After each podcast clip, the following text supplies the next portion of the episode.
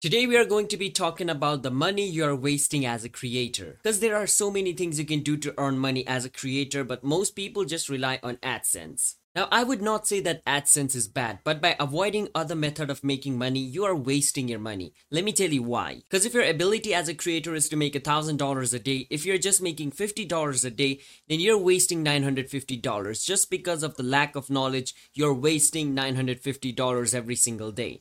So today in this video, we will find out what your capacity is and how much money you can earn. And I will be telling you guys how you guys can expand your ways of making money, starting with website. You might be curious, like how can a website help me make more money? Let me explain to you how a website can help you make more money, alright? As I'm going to say in this video, get a website. Now it's going to cost you around $50 a year, I guess. If you go for a cheaper one, I did run a website. It cost me around roughly $50 a year. I mean, that's cheap considering like how much money you can make from that, all right? So why you want a website? Well, basically, if you have a website, you could use it as a leverage when working with brands. As you guys can see over here, like if you make a website and you create a catalog or like show a catalog of like brands you worked with over here, you can see this is like a website of a YouTuber and he shows all the, you know, companies he have worked with.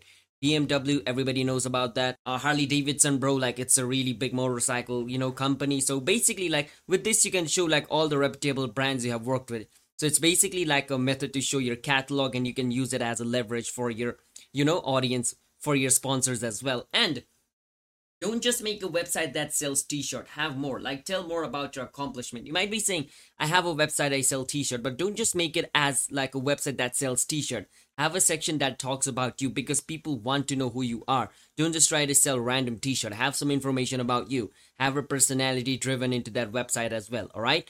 Now, why you want a website is because through a website you guys can build a list. By that I mean you can build an email list, or SMS list. When you are giving away something for free, let's say you build a website and on a website you're giving a free video. Let's say, uh, so let's say I built a website of Nepali podcast, right?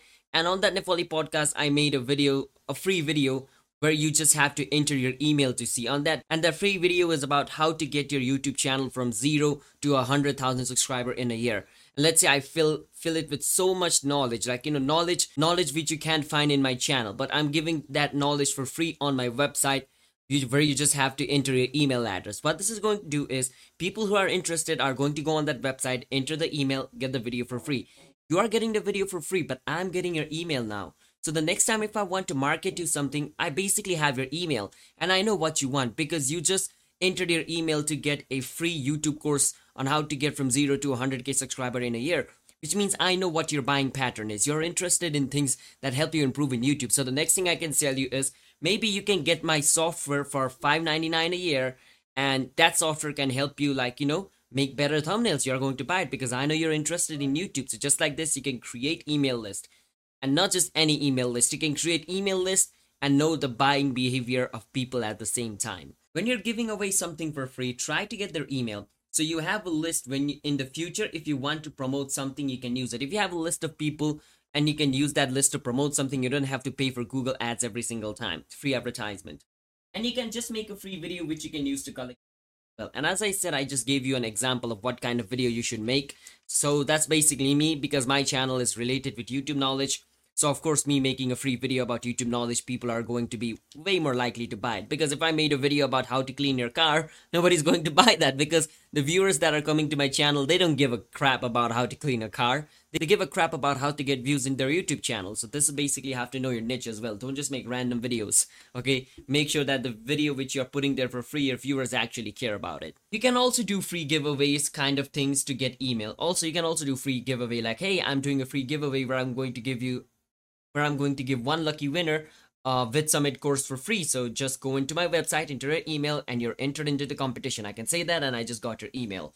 But remember, when you're trying to give away stuff, try to give away things related to your niche. Like similarly with the free video, I told you if you're going to give a video for free, make sure it relates with your audience or relates with your niche. Don't just go random. You're a cooking channel and you're uploading a car repairing video. That's not going to work. People are not going to click. So when you're doing a giveaway as well, you need to know what kind of things you want to give to your audience. Why? Because let's say you have a cooking channel and for your cooking channel if you're giving away ipad i mean giving away ipad is good but you will just have random people wanting ipad But if it's a cooking book, it's different. So for a cooking channel, if you're giving away iPad, that's good. That's not bad. But you're going to have random people join the email list just so they can get an iPad. But if you like, you know, give away free cooking book, then basically people who are interested in cooking book are only going to enter and those are your audience, people who love cooking. So try to give gifts that are related with your niche, okay?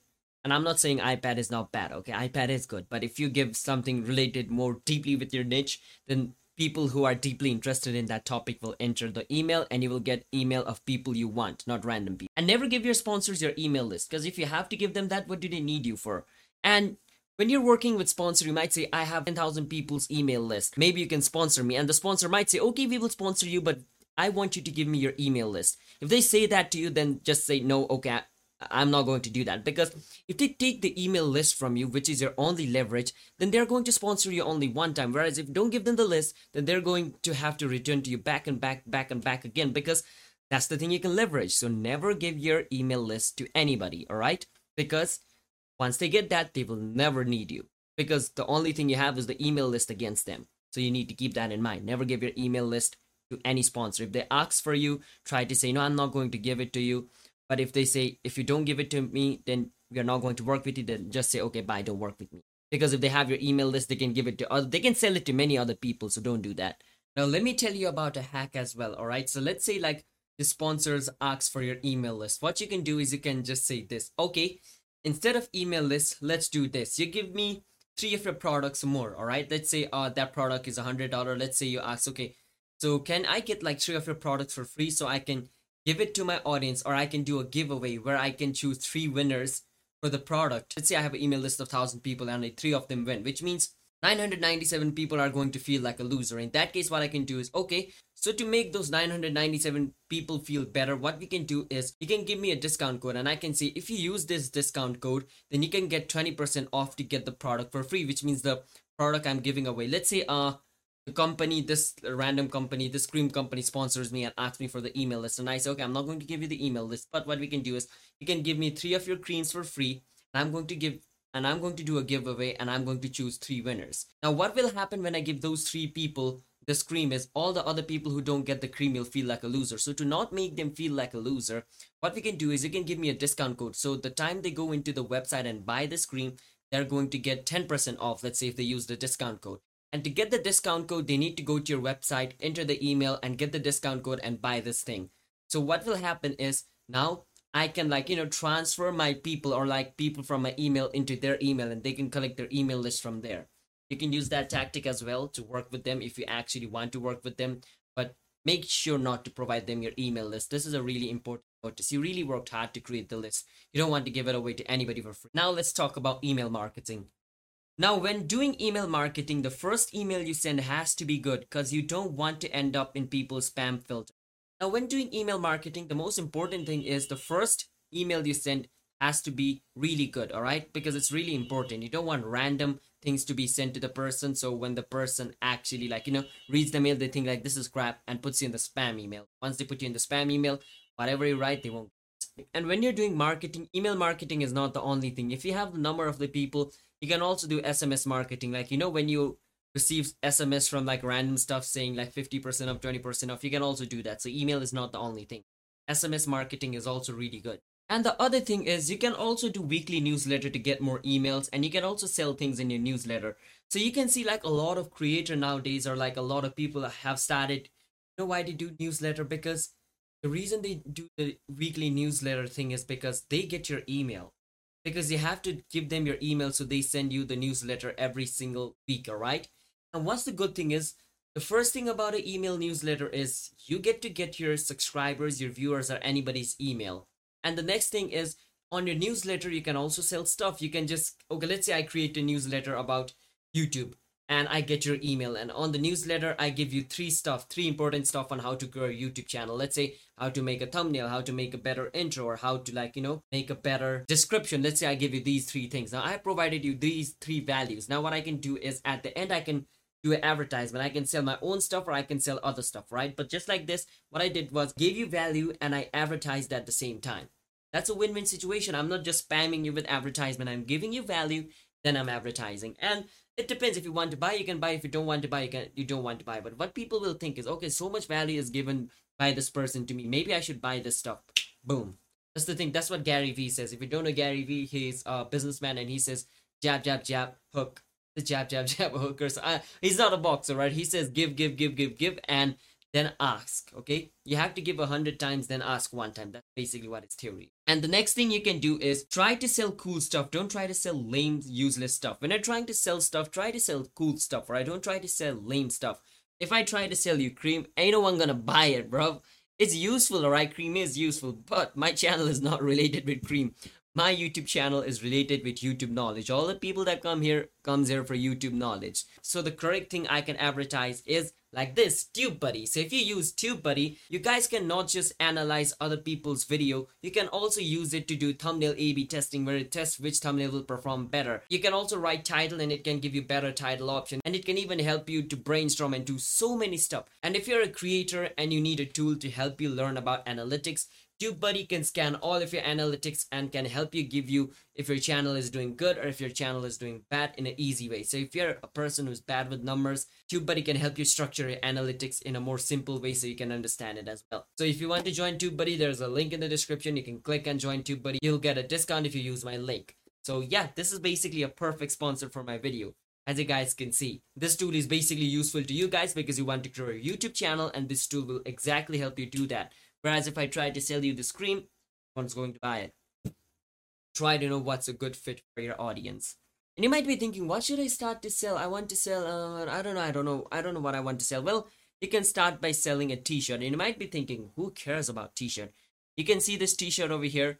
This t-shirt bought this creator 260k in two weeks, bro.